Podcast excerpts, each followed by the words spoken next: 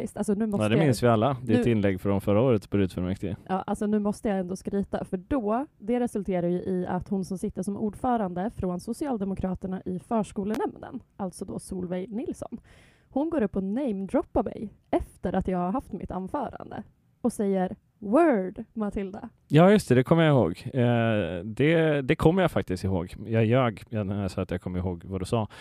Jag- Men jag kommer, drog- ihåg, jag kommer ihåg det här, Matilda, word, och bara kände, aj då. Så sa hon ja. Oj, jag tror det blev mycket bättre ljud nu med. Ja, alltså. Det låter så. Ja, nej, jag, jag är helt enig. Jag pratade med en eh, partikollega och bara så här, "Nej, jag, jag kände mig bara så himla uppgiven efter den här veckan. Och jag bara, kan folk bara sluta hata varandra och mörda varandra utan anledning? Liksom mörda civila människor. Mm. Det, det är bara så sjukt. Ehm, och då insåg jag att jag hade lite av en politisk eh, depression den här veckan. Oj då, Ja, du som alltid eh, är så eldig. Ja, nej men jag, jag kände mig bara så här, nej. Vad i hela är det som händer? Kan någon bara steppa upp och liksom ta lite avstånd alltså lägga in lite stöd och faktiskt så här, ja, men verka för att man ska vara ett samhälle som jobbar tillsammans och inte går emot varandra och hatar. Nej, Jag var, jag var upprörd. Jag var ledsen. Men eh, sen gick det över. Man bryter ihop och Du är går inte vidare. upprörd Liksom. längre. Du, Jo, jo, du, jo. du, har, du har släppt det här Nej, nu. nej, nej. Men så här, man måste ju gå från att vara liksom ledsen och handlingsförlamad. Ingenting förändras av att man bara sitter och deppar. Hur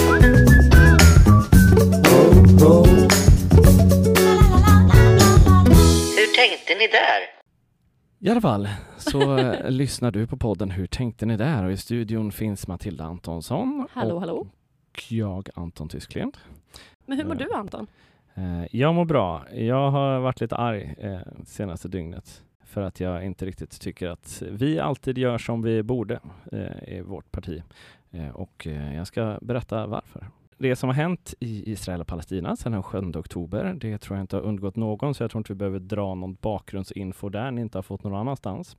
Idag när vi spelar in är det den 20 oktober, känns viktigt att säga, för att vi vet inte eh, vad som har hänt eh, mer än att den här konflikten absolut inte kommer vara löst när det här avsnittet släpps.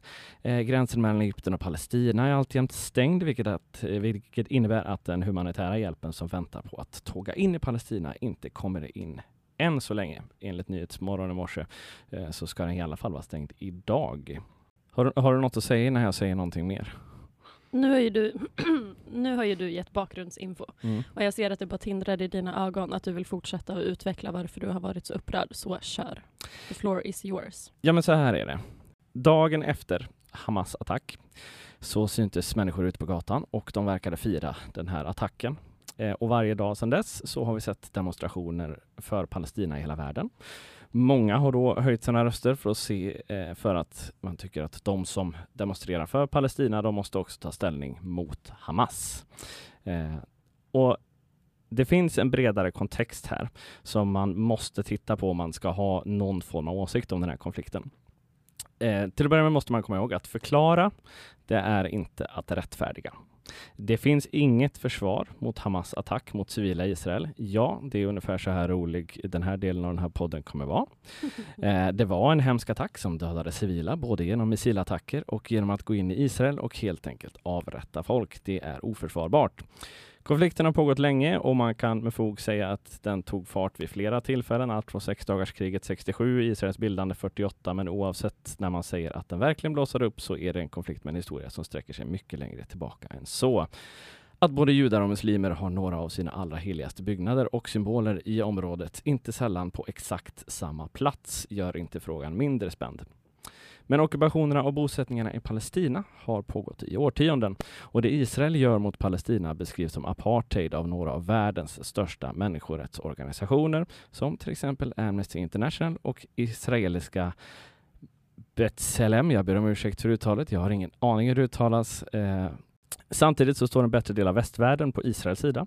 USAs president Joe Biden har varit nere och bedyrat sitt stöd till Israel i den här konflikten. I Sverige vill regeringen strypa biståndet till Palestina och skicka vapen till Israel. Det här är en kontext som man måste ta med när man frågar sig varför palestinier inte fördömer Hamas i större utsträckning. Det finns liksom ingen annan som slåss för dem. Vad har du för tankar kring det här? Det är, det är, det är mycket. Kan jag... Det är mycket, minst sagt. Alltså jag tycker det är ganska jobbigt att diskutera, alltså egentligen krig i allmänhet. Nu, nu kommer du skratta åt mig, men sen liksom jag var liten, jag och mina Bamse-tidningar... Har du inte gillat krig? Ja, nej men faktiskt. Alltså det är verkligen så. Jag är liksom pacifist, det heter så va? Det heter absolut så, Ja. eh, om man är det. Ja, ja men precis, du Mm. ser. Ja, så att... Jag vet inte ens vad jag ska säga Men är du, är, för fråga då, är du så här typ extrem pacifist då? Liksom, så att om någon kommer upp och slår dig så tänker du nu ska vi prata om det här. Eller slår du tillbaka. Ja, nej, men i första hand så tror jag nog, alltså, då, då, då diskuterar man ju. Mm. Man använder inte våld, för våld föder våld. In, inte ens liksom när någon utövar våld mot dig men direkt. det kan jag ju inte svara på, det har jag ju inte nej, men, varit nej, men jag förstår, om. men liksom bara i teorin. Liksom. Alltså Eh, att försvara sig, absolut. Men att gå tillbaka med liksom våld för att eskalera situationen, nej. mm. ja, men då är det i alla fall inte den extremaste formen av pacifister. Ja, nej. Jag hade ju inte lagt mig platt och dött liksom. Jag hade Nej. ju försökt att försvara mig. Jag, jag ville ju leva, eller vadå? Mm. Ja, ja, men alltså, jag tycker att det är en sund inställning att vilja leva. Ja, Eh, men vad skönt. mm. Bra, då är vi överens. Nej, men alltså det, det finns ju eh, det är gan- ganska många röster ändå, eller ganska många, det är väl säkert ute i marginalen, men åtminstone folk eh, vars röster hörs, som till exempel i Ryssland-Ukraina-konflikten, tycker att det är fel av Sverige att skicka vapen för att just av den anledningen våld föder våld. Jag vet, vet inte var du är i den frågan, men där kan jag tycka att så här, okej, de blir trots allt anfallna. Alternativet att inte slå tillbaka finns inte.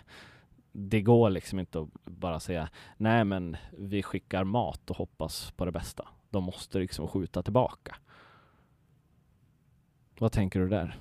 Du tänker att det, de ska inte få några vapen ser det ut som. Jag har inte sagt någonting. Nej men nu, det, nu är det bara du som läser in det, situationen det här är ju inte bildradio Nej, det var men eh, precis din, vad jag skulle säga. din Så- blick säger väldigt mycket. Nej, men det min blick säger är väl att jag önskar att i alla konflikter som finns att man skulle kunna lösa det på ett diplomatiskt sätt och inte genom att behöva skicka vapen. Men alltså Ukraina och Ryssland eh, situationen, kriget, det är liksom den är ju också så komplex för där sitter Ryssland på massa kärnvapen. Folk vill inte gå in och försöka peta i den frågan. Så det man gör då är att ja, men då försöker man ju stötta Ukraina på de sätt man kan så att de kan försvara sig själva. Mm. Men det är också så sjukt för det blir sån skev maktfördelning. Och det är ju, och det är ju ja, men samma sak om man går tillbaka till Israel-Palestina. Ja, men Israel, hur mycket liksom pengar och stöd får inte de ifrån massa olika länder för att kunna fortsätta göra det de gör? Det är lite som det du var inne på, det här, jaha okej, Hamas ja, och deras attacker, man fördömer det självklart. De har liksom attackerat och mördat civila. Men om det då är de enda som försvarar dem och om det är den enda hjälpen de får så kan man ju förstå att de själva kanske känner att ja, men om det här är allt vi har, vad ska vi annars göra?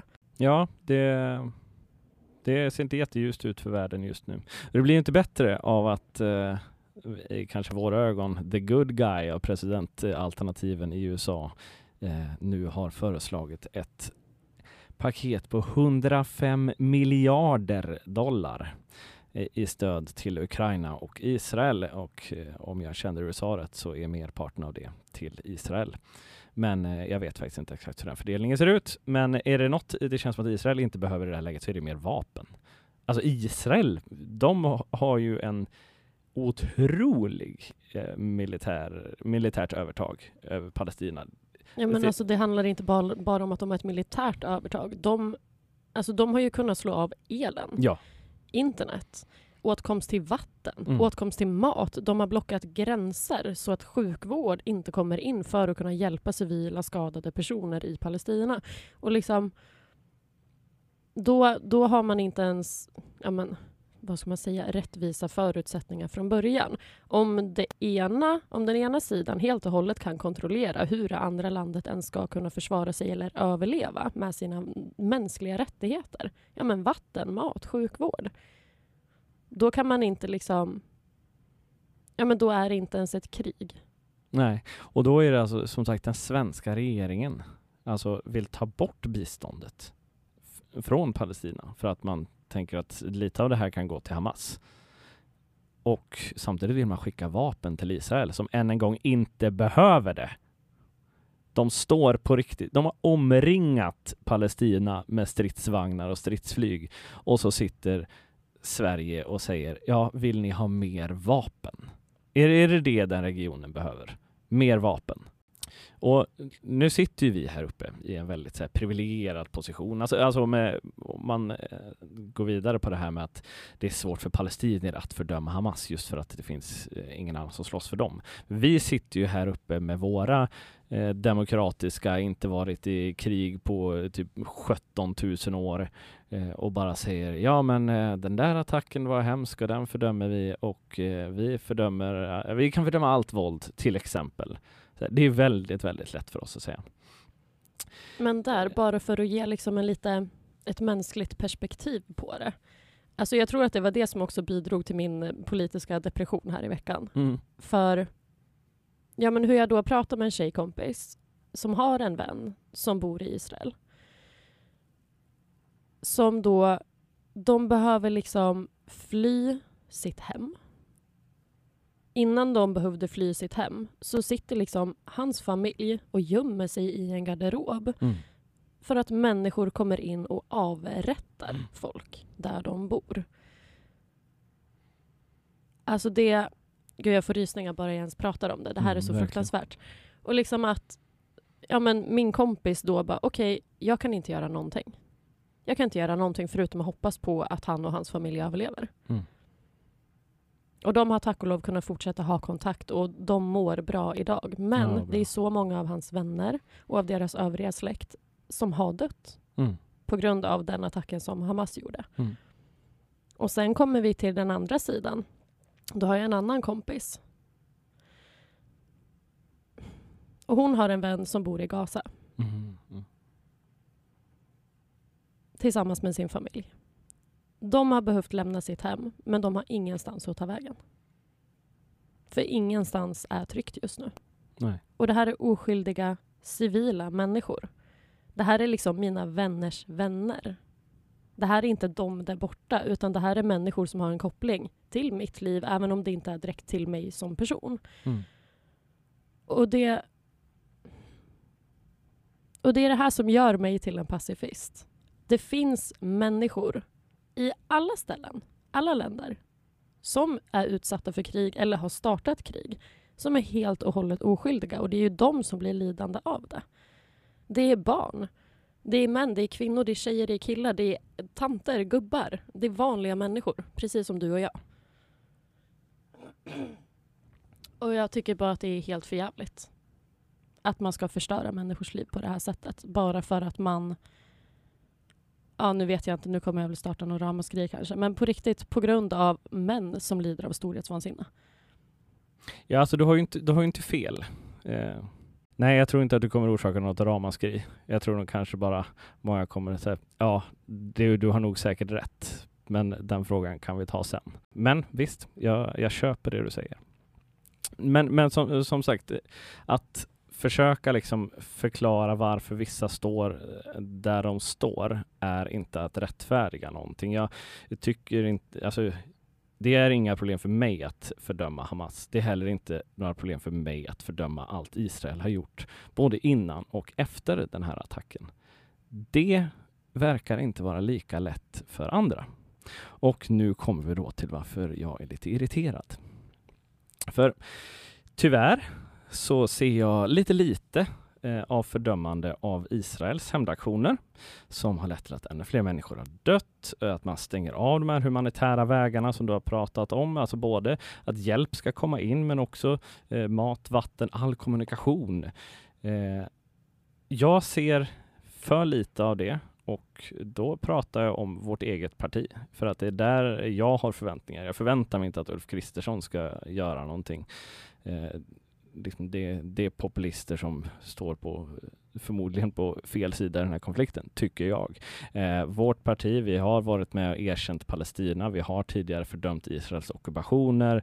Det är en sak att göra det när inte hela världen tittar på, eh, utan att det här är bara en pågående konflikt. Det, det är inte svårt att bara säga att ja, men det där där borta fördömer vi. Just nu nu har skiten träffat fläkten. Nu behöver folk hjälp och de behöver stöd av nationer i världen som faktiskt står på palestiniernas sida. Där då måste vi kunna gå in och säga att särskilt när vi har fördömt Hamas, vilket vi absolut ska göra, måste vi också kunna gå in och säga vi fördömer allt Israel har gjort efter det, för att det är fan nästan ännu värre.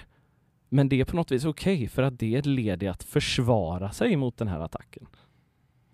Alltså, om det är någon som faktiskt försvarar sig, och än en gång, det här är inte ett försvar av någonting Hamas har gjort. Men det är Palestina som försvarar sig. Det är Israel som ständigt attackerar det här landet. Det betyder inte att det är rätt att en enda människa dör på någon sida av det här. Men att vi säger, ja men, uh, pratade med en ledande företrädare för vårt parti senast igår. Uh, den personen är inte här och kan försvara sig, så uh, vi lämnar det namnet utanför det här. och så att han sa, vi måste kunna fördöma Hamas, men även kritisera Israels agerande. Och där mm. kan jag känna att ord spelar roll. För att det går inte att säga att ja, men eh, vi kritiserar ju dem. Det är ju som att fördöma. Magdalena Andersson, eh, Magdalena Andersson går ut och säger att Israel måste följa krigets lagar. Det är ju att fördöma dem. Det är det inte. Några dagar innan så sa vi vi fördömer Hamas. Då kan vi också säga vi fördömer Israel när vi ser att de bryter mot krigets lagar. Så ja, jag är lite upprörd just nu. Mm. In, inte bara för att man inte fördömer Israel utan för att man också inte inser själv att det är det man inte har gjort. Vet du vad jag säger till det här? Nej. Word Anton! Fy fan! Ja, eh, shoutout till Solveig Nilsson. Ja. Än en gång, jag vet inte hur många gånger det går att säga för det här ska inte missuppfattas. Det är inte, det finns inget försvar mot det Hamas har gjort. Inte ens allt förtryck och det ingenting kan försvara det.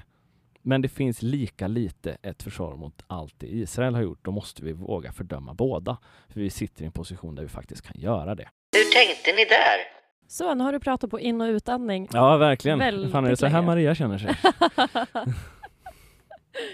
ja, jo, nej men eh, min politiska depression är över officiellt. Tack för hjälpen. Mm. Mm. Då, då behöver vi inte ens nämna det här med att två svenskar också blev skjutna i Belgien i måndags. Mm. Jo, klart, klart man behöver göra det. Ja. Men det är kanske också det enda vi vill göra. Det är mm. otroligt tråkigt, men det finns inte så mycket mer att säga om det. Eh. Men ja, nej, som sagt, det är inte de bästa dagarna i världens historia. Nej, och också så här, för att dra tillbaka det till att man sitter här och är privilegierad. Um, dagen innan det hände så köpte jag en biljett till ståplatsen på VSKs sista match där de ska möta Gais. Det var ändå en halv sekund där när jag liksom ändå trodde att du hade köpt en biljett till Belgien-matchen. Nej, nej, nej, och det nej, landade nej. på att du skulle till Touch Energy Arena på Rocklunda. Ja, men det var ju fortfarande den här när de bara åh, och nu ska man vara försiktig här med och ja, nej, jag vet inte. Då, det var väl kanske inte så här hurra. Men nu, nu, nu känns det bättre. Det ska bli kul att se den matchen. Ja, men då lär de ju redan vara klara för Allsvenskan. Det borde de vara. Mm. Peppa, peppa, ta i trä. Så. Du kan ju inte, du kan inte köra en Marcus Lindgren här. igen. Ja, fast... Han blir namedroppad i varje avsnitt. Ja, vi får väl se när jag har klippt det här. vi bara kör ett pip på honom. um, I alla fall. Mm. Tillbaka till Miljöpartiet. Mm. Ja, men just det. Alltså det här är en omedveten segway som var jättebra. Ja. Eh, nu blev den ju sämre när jag påpekade det, men det kan jag alltid klippa bort. Just för att du blev så himla glad. Också. Ja, ja! ja men lite så. Eh, just för Miljöpartiet, de har ju typ idag eh, föreslagit Daniel Heldén till nytt språkrör tillsammans med eh, Märta. Eh, jag vet inte så mycket mer om Daniel Heldén, mer än att han har en aura av en man som äger en bar i Thailand.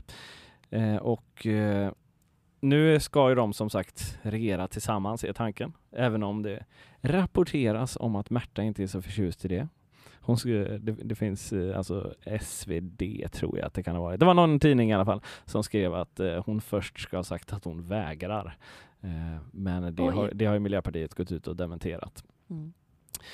Eh, I alla fall, de eh, ska alltså vara två, precis som Miljöpartiet är. Språkrör, inte ledare, för att de har någon slags jävla community där. Eh, ja men alltså på riktigt, det är, de är ju inte uttalade ledare, utan det är ju typ de som talar för den stora gruppen eller något.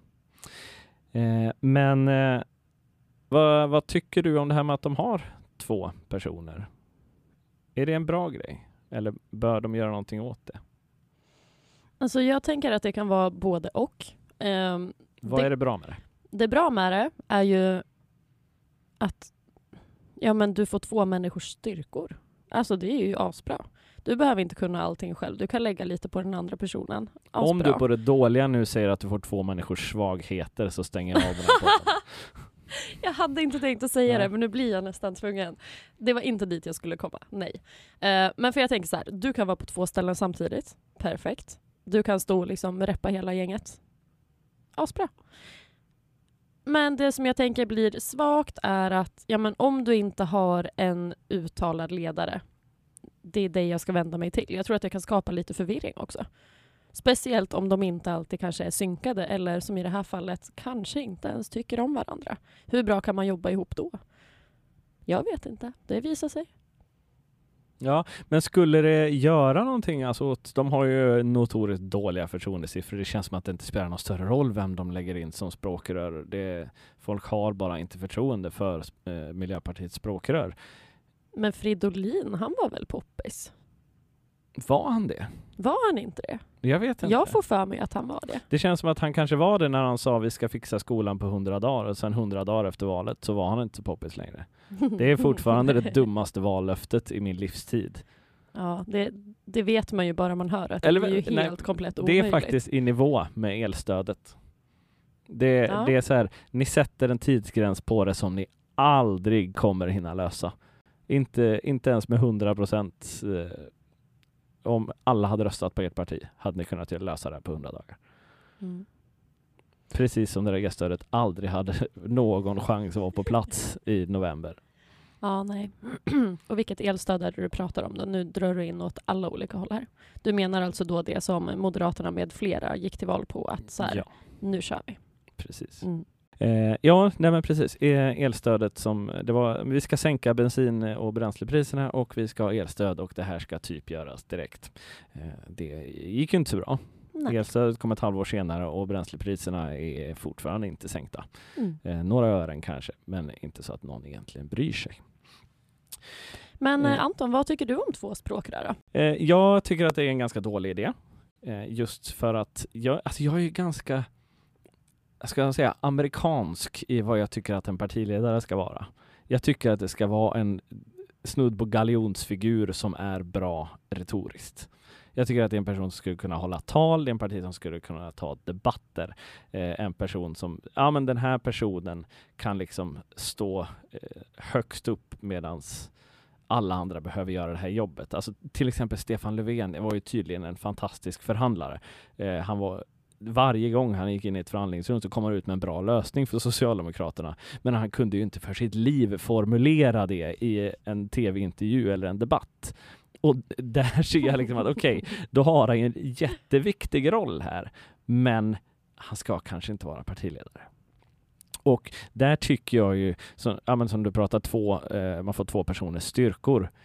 Jag tycker ju att man plockar liksom lite den här personen är bra på det, den här personen är bra på det och så kan vi pussla ihop det här till en partiledare. Problemet är ju att svagheterna blir tydliga hos båda och då har ingen förtroende för någon av dem. Förstår du vad jag menar? Alltså tänk att Mä- Märta till exempel nu, hon är ju hon är ju den som tar debatterna. Mm. Eh, Hon är ganska bra på det. Hon är väldigt bra på det Ja. tycker jag. Eh, Men det är egentligen det hon verkar vara bra på, åtminstone i folkets ögon. Jag har ingen aning hur, hur hon är i övrigt. Eh, hennes medarbetare verkar inte superförtjusta. Eh, men och eh, Per Bolund är väl lite mer den här sköna eh, killen som är ute i landet och myser med diverse trädkramare. Eh, och det är väl j- jättebra att man kan ha båda de sakerna. Problemet är ju att som eh, Märta kommer fortfarande behöva visa upp sig i andra lägen där hon kanske inte alltid framstår så bra. Per Bolund eh, kommer att behöva hamna i någon form av debattsituation där han inte är så himla bra. Och då ser folk, okej, här finns det svagheter. Det här är de här människorna inte bra på. Fast nu skulle det ju inte vara Per Bolund. Nej, nej men oavsett vem det är. Vad, vad hette han? Eh, Daniel Heldén. Daniel Helldén. Jag har ingen aning vad han är bra på, men alltså oavsett vilka personer det är, det kan liksom vara Jocke och Stina. Eh, det kommer vara, så länge man tänker att de på något vis ska komplettera varann, så kommer det också bli tydligt vad som fattas hos varje person. Ja, men varför behöver det ens vara ett problem då? Ja men det är ju uppenbarligen ett problem eftersom att ingen har förtroende för Miljöpartiets språkrör. Det kanske inte behöver vara ett problem om folk hade eh, tyckt att så här, ja, men det är väl jättebra om vi har fem stycken som har, är supernischade på sina grejer och är jättebra på det och bara får göra det. Men det går ju inte. För så fort de går utanför dörren och hamnar i en situation som inte är just det de är bra på så kommer folk tänka men det där är ju inte en duktig person. Alltså helt ärligt, jag visste inte att man kunde brinna så här mycket över valet av språkrör eller ej. Hur tänkte ni där? Alltså, jag, jag blev lite fascinerad här. Eh, nej men alltså jag brinner egentligen inte så mycket för det här utan det här är ju en fråga som jag knappt, eh, jag kanske hade gett 30 sekunder av betänketid eh, innan vi gick in i studion idag och som, alltså allt det här jag tänker på just nu är as I speak.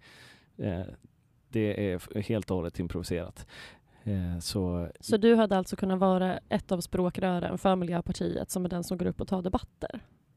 om jag nu hade varit ett språkrör för Miljöpartiet så tror jag nog att det hade kunnat vara en bra... Jag vill inte vara den som är ute liksom och träffar folk. Usch. Nej, det är inte riktigt din grej. Att Nej, träffa alltså- människor som du ska representera. Nej men alltså, fan, folk har ju, alltså vad de håller på. Ja men ibland orkar man bara inte med folk. Och så behöver man ta liksom alla de här frågorna som man innerst inne vet man att fan det här har ju inte någonting med någonting att göra. Eh, jag vill bara att det här samtalet ska ta slut. Eller känner, känner du bara att här, eh, eh, vänta, vänta, är du en sån här Ja, men ja, alla frågor är viktiga och allas tankar är lika viktiga hela tiden. För jag tror att man behöver, jag tror att man behöver vara sån innerst inne om man faktiskt ska vara typ statsminister. Eh, jag tror det är svårt att liksom fejka sig fram till det. Ulf Kristersson eh, lyckas ju inte tycker jag. Nej, han lyckas inte fejka fram det. För eh, han har ju det här lägg huvudet på sne, ser ut som att han verkligen lyssnar. Mm. Men egentligen vill han ju bara gå därifrån. Ja. Eh, jag Vad, vad tror du att det är för låt som spelas i hans huvud i de situationerna? För han är ju inte närvarande. Den här kycklingdansen tror jag. Ja, Åh, Mm. det måste det ju nästan vara. Jag kan verkligen se det. jo, nej men alltså där, där kan jag ju med glädje berätta att jag är en sån. Varenda fråga är viktig, varenda tanke är viktig hos varenda människa. Men blir det inte lite så då att ingen tanke någonstans blir viktig? Alltså om allt, alltså här, om allt är bra, då blir ju bra per definition medel. Nej, absolut inte. Ja men det är klart att det blir. Bra och bra blir ju bättre. Men bättre än vad? Om allt, om allt redan är bra? Ja, bra, bättre, bäst. Jaha okej, så bra är det lägsta på den här skalan. Aha, så det säger alla tankar är viktiga, men då Men är det på de en skala är från sämst. viktigare till viktigast. Ah, ja, nej men okej, ja, Nej, men men jag, om man säger så här. Anton, du pratar liksom med en människa som efter gymnasieutbildning endast har haft med folkbildning att göra. När det kommer till fackliga utbildningar. Mm. Mm. Och det du sitter och säger just nu är ju i princip jag hatar folkbildning. Efter- Oj! Ja, Jo, Oj! jo, ja jag vet. Jag, jag, la Oj. den. jag la den och jag står för den. För så som du säger det här just nu. Ja. Det är som att säga, nej men gud, människor kan inte sitta och lära sig av varandra och av varandras dumma frågor. Man bildas inte av det, folk är bara korkade. Vänta, det här, det här är den grövsta fultolkningen av någonting jag någonsin sagt. Nej, jag säger att väldigt många människor har väldigt mycket dumma frågor. Ja. Och Det, du, det är det jag säger. du får försvara dig om en liten stund. Ja. Låt mig bara lägga Mm. färdigt mitt resonemang. Mm. För anledningen till att jag tycker att sånt här är så himla viktigt, därför att jag har varit med både som deltagare och faktiskt vuxit och utvecklats själv när jag har varit på olika utbildningar på grund av att folk har ställt de här frågorna eller att jag har ställt de här dumma frågorna. Fått vettiga svar, vettiga resonemang. Man ifrågasätter varandra. Det är det man utvecklas av som en människa. Det tror jag verkligen på. Du kan inte bara sitta i din trygga lilla sossebubbla och liksom aldrig behöva mötas av någonting annat. För då kommer du bara gå runt och tro att åh, så här ser världen ut. Men du är inte verklighetsförankrad. När du har med folkbildning att göra, till exempel om du går på tvärfackliga kurser. Då har vi ju jag från Livs och så har vi ju några ja, men, tanter och gubbar kanske från IF Metall, du har några från Handels, du har några från HRF och så vidare. Alla våra verkligheter ser olika ut, så det betyder att även om, säg, ja, men LO som då är typ mamma till alla de här fackliga organisationerna, så även om LO tycker en sak i en facklig fråga så kan ju vi, olika förbund, ha helt olika syn på det beroende på vart vi kommer ifrån. Därför är dumma frågor viktiga, för det finns alltid någonting vettigt som kommer ur det. Jag älskar det. Älskar att prata med människor. Mm. Eh, nu pratar du om någon form av slags panelsamtal. Nej, det gör jag inte alls. Du, du säger i möten där flera människor kommer tillsammans och pratar med varandra, utväxlar idéer. Men säg att du är ansvarig för hela det här landet. Du kommer till Västerås på besök och helt plötsligt kommer någon och säger alltså bankomaten på Viksäng fungerar inte. Jag, jag, ska, ska, det verkligen vara så att jag ska behöva ta bussen ända in till stan och bussen är sen? Eh, jag, jag, kan inte få ut några pengar och ska, ska jag handla med kort? Alltså ska jag behöva lära mig sånt? Kommer du att säga ja, det är en viktig tanke. Det här behöver vi verkligen ta med oss. Eller kommer du att säga ja, ja, det där är kanske inte riktigt mitt ja, bord. Nej, men och då kommer ju jag, jag kommer ju inte liksom få tanken att vara mindre viktig, för det är den inte. Den är jätteviktig för den här personen. På, men på, då måste man ju hjälpa den att hitta rätt person att ta det med. Om jag kommer dit som statsminister, det är klart att jag inte kan ändra en bankomat Påviksäng i Västerås. Det går ju inte. Men om jag då kommer till Västerås som statsminister så räknar jag väl ganska blint med att jag kommer ha partiföreträdare från Västerås där med mig. Och då kommer ju jag kunna hänvisa till den personen. Jättebra. Och då blir den omhändertagen och så perfekt. Jag tror att du kommer bli Sveriges första riktigt utbrända statsminister. Varför? Därför att, att du kommer inte kunna uppehålla det här engagemanget kring varje fråga du får. Tror du inte? Nej, jag tror, nej men alltså, jag tror att det är fysiskt omöjligt. Alltså, mm. alltså även om du vill så tror mm. jag att du bara kommer säga vet du vad, det där får du ta med någon annan. Ja men vad bra, då gör vi så här att jag mm. liksom anlitar dig till min stab. Ja, och nej, så får du jag vara, vill ju inte vara den som den tar det här. Nej men du får vara den som sållar. Jättebra. Men och säger jag... Matilda, det här, är, det här är en för liten fråga för dig. Mm. Så får du Den där personen som, som går bredvid och bara viskar i ditt öra så här, o, oviktig fråga. Gå ja. vidare. Gå vidare. Titta, titta, titta, inte på henne. ja, nej men eh, nej, jag är inte emot folkbildning. alltså, det, det var det sjukaste jag hört. Det var, det var faktiskt för, kul att säga det. Du jag, blev så upprörd. Ja, men också, det, du följer också upp det med att säga jag har bara sysslat med folkbildning i mitt liv och man måste ta sig utanför sin bubbla. Ja, det, det, låter ju snarare som att är det någon som sitter i en bubbla här så är det ju du. Oh, okej. Okay. Så det är så. Mm -hmm. Är du nöjd? Ja, det är jag absolut. Ja, men vad bra. Du, jag, du får den. Jag är Varsågod. supernöjd. Mm. Jag hatar inte folkbildning. Skönt. Och jag tar avstånd från den tolkningen av att det finns människor som ställer dumma frågor och i alla sammanhang, ja, nu formulerar jag mig lite annorlunda, men i, sammanhang är, i alla sammanhang är inte alla frågor eller åsikter lika viktiga. Ja, nej, jag, jag tänkte börja spåra igen, men du är redan så upprörd så att det inte är värt det. Nej, men kör. Ja, nej, men där tänkte jag ju säga så här, jaha okej, här har vi allvetar-Anton den allsmäktige. Det är han som avgör om din åsikt är viktig eller inte. I ett specifikt sammanhang skulle det kunna vara det. Alltså det beror ju på vem som faktiskt till exempel ja, men, styr ett samtal, vem som leder det. Mm. Alltså till exempel sitter vi i en, eh, om vi nu har en, även en paneldebatt då, till exempel med alla fackliga företrädare Eh, och ni sitter och pratar om kollektivavtal och, och bullar. Eh, så, eh, ja, men det tänker jag, det har ni med mm. Och så kommer den här gubben in och han är upprörd på att bankomaten i Viksäng inte fungerar. Mm. Då är det väl ändå att det här, det här är inte någonting som hör hemma i det här forumet. Ja, men det betyder ju fortfarande inte att den är oviktig. Men då tar ni med den och tänker nej, vi, vi ska leta upp här, den som... Vet du vad? Det här är en liksom bra fråga, men rikta den mot politikerna för vi har inte ansvar över att kunna förändra det. Men så här, i det sammanhanget så är det inte en bra fråga. I det sammanhanget är det en ganska dum fråga. Om man säger så att den kanske inte är relevant, men det behöver inte betyda att den är dum. I sitt sammanhang skulle jag säga att den är det. Den är inte relevant, den är inte dum. Du menar att det finns aldrig några dumma frågor? Jag tycker inte det. Try me. Mm. Let's put that to the test. Ja, Ja. absolut. Jag ska, jag ska vä- vänta tills du blir lite varm i kläderna i Vafab och sen ska jag börja ställa så här riktigt, riktigt irrelevanta frågor till dig. Ja, men gör det. Jättekul. Hur tänkte ni där? Jag har lyssnat lite på VLTs valpodd här innan, eh, så- som de hade innan, innan valet. Eh, Den ska vi återkomma till i ett annat avsnitt har jag kommit fram till, för det är ganska underhållande. Eh, Men i alla fall, där får, får de en fråga. eh, Vad är det olagligaste du någonsin har gjort? Mm. Vad är det olagligaste du någonsin har gjort? Mm, det olagligaste jag någonsin har gjort? Hmm. Det är nog att jag har eh, hittat en cykel Det är inte olagligt att hitta någonting. olåst i en skogsdunge, varit i behov av en cykel och tänkt vad bra att den var här. Ehm, och så fick den följa med mig hem. Så. Ehm, det, det är nog det. Ja, okej. Jag har förflyttat Så ett olåst föremål. Du har stulit en cykel. det, är det du har gjort. Men om man säger så här, det är ändå ett himla Tar du fint... någonting som inte är ditt så är det stöld. Ja, men det är också ett himla fint kretslopp. För det, det jag kände då var så här, okej, men för att det här inte ska bli stöld.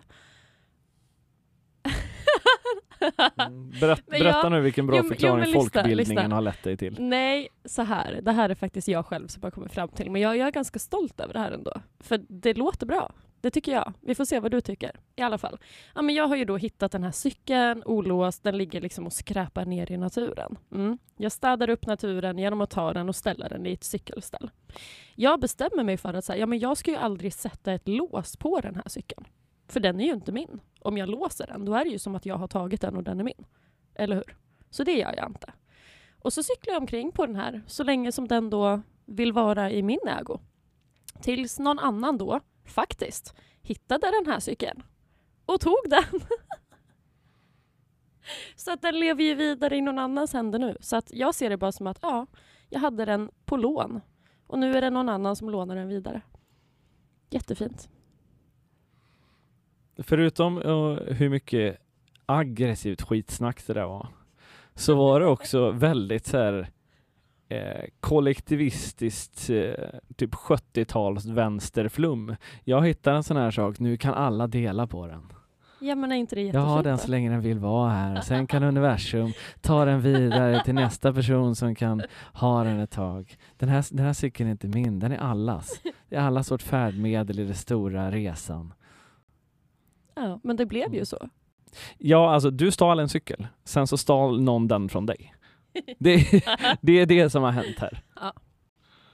Och då kan jag säga att innan jag då hittade den här cykeln, då var jag ju i behov av en cykel för att den jag faktiskt hade köpt, den hade blivit stulen. Ja, vad, vad är det mest olagliga du har gjort Anton?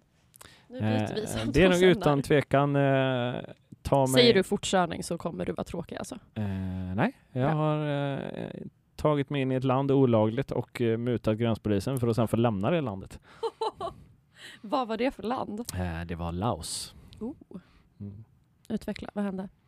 Eh, nej men, eh, vi kom till en gränskontroll, eller en gränskontroll, gränskontrollen mellan Vietnam och Laos som låg uppe på en typ en bergstopp med en buss. Eh, vi gick in där och det visade sig att ja, men här nu ska man fylla i lite papper och man ska betala, då är det amerikanska dollar eller laotiska pengar, vilket vi hade inget av de sakerna. Jag stod där ett tag, insåg att så här, ja, ja, men det, de tar inte kort, de gör ingenting. Ja, vi får försöka reda ut det här på något vis. Får gå ut till bussen som vi har varit i och bara hämta våra väskor. Bussen hade kört förbi gränskontrollen. Så vi går ut liksom på andra sidan, där står det liksom några vakter med vapen som in, absolut inte kan engelska och liksom bara passport, passport och vi liksom försöker gestikulera så här, nej men vi, vi har ingenting, vi ska bara ner och hämta våra väskor, typ gestikulerar som att man har ryggsäck och sådär. Eh, efter någon minut så ger de väl upp för att de fattar att vi kommer ingenstans med det här. Vi går ner till bussen och inser att, ja men vad fan, vi kommer inte lösa någonting här. Vi, vi sätter oss på bussen så åker vi. Eh, Så det gjorde vi.